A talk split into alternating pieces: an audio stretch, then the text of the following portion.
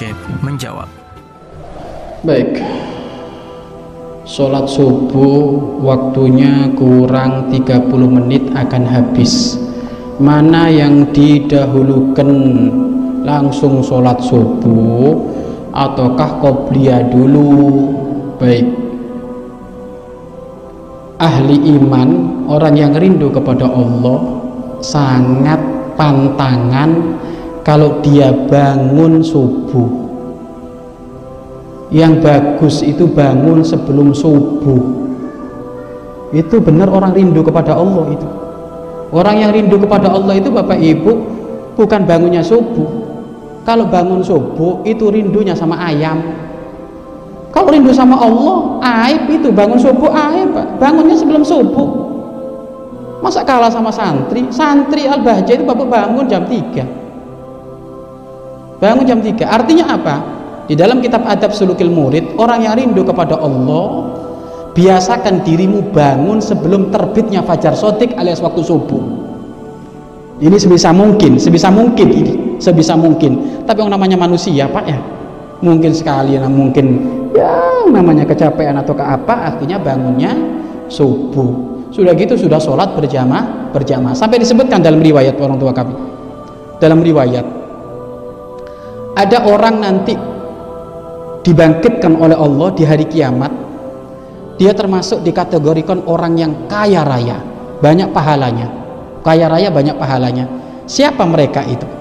Mereka adalah yang melaksanakan sholat subuh dengan berjamaah tapi jauh-jauh dia bangun sebelum sholat subuh jauh-jauh ya setengah empat itu sudah bangun itu nanti dia masuk surga itu dengan wibawanya kayak orang kaya raya banyak pahalanya Terus yang kedua orang tua kami, yang kedua nanti ada orang itu Bapak Ibu, dia itu ada orang di hari kiamat ya, dia akan masuk surga dikategorikan apa? Dia orang yang memiliki pangkat yang banyak, sama orang-orang mulia ini juga. Apa dia itu? Sama. Dia bangun sholat subuh sebelum masuk waktunya subuh, tapi masih hebat yang pertama tadi. Masih hebat yang pertama yang pertama. Yang kedua Bapak Ibu ada orang tetap dikategorikan oleh Allah menjadi ahli surga. Ahli surga orang tua kami? Tapi biasa-biasa saja. Nggak bawa kekayaan nggak bawa pangkat dia. Orang biasa. Dia bangun waktu subuh pas dan sholat subuh berjamaah. Ada yang nanti di hari kiamat semuanya masuk surga bawa pangkat bawa kekayaan. Ada ini bapak ibu bingung saya bawa apa? Noleh kanan kiri. Yang sholat subuhnya kesiangan.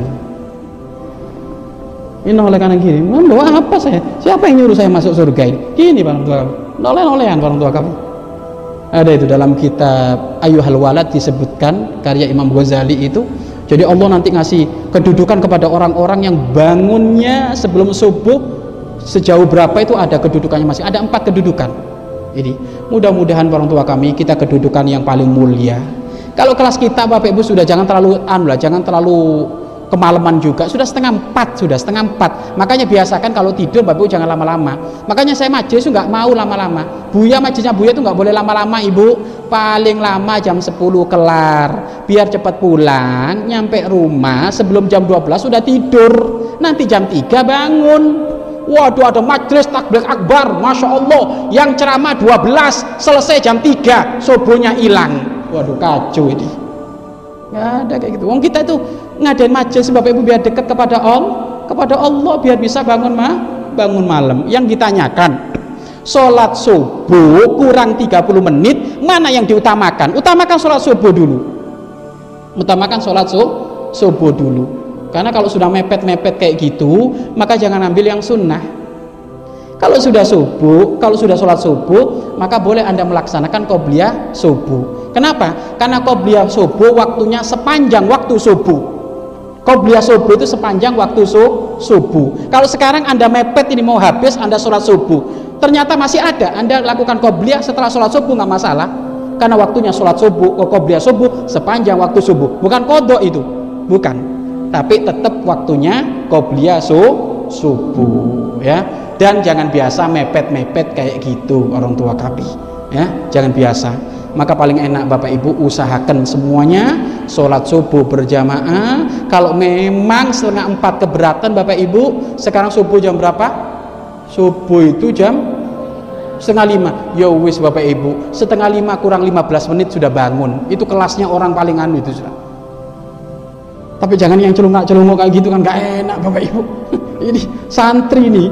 Biasanya santri ketidur siang semuanya pada ke masjid dia bingung dia mana temanku mana temanku lah ini. Jangan kayak gitu orang tua kami ya. Usahakan bangun sebelum terbit fajar sodik yaitu masuk waktu subuh. Usahakan sebelum masuk waktu itu sudah bangun bangun malam. Wallahu a'lam bishawab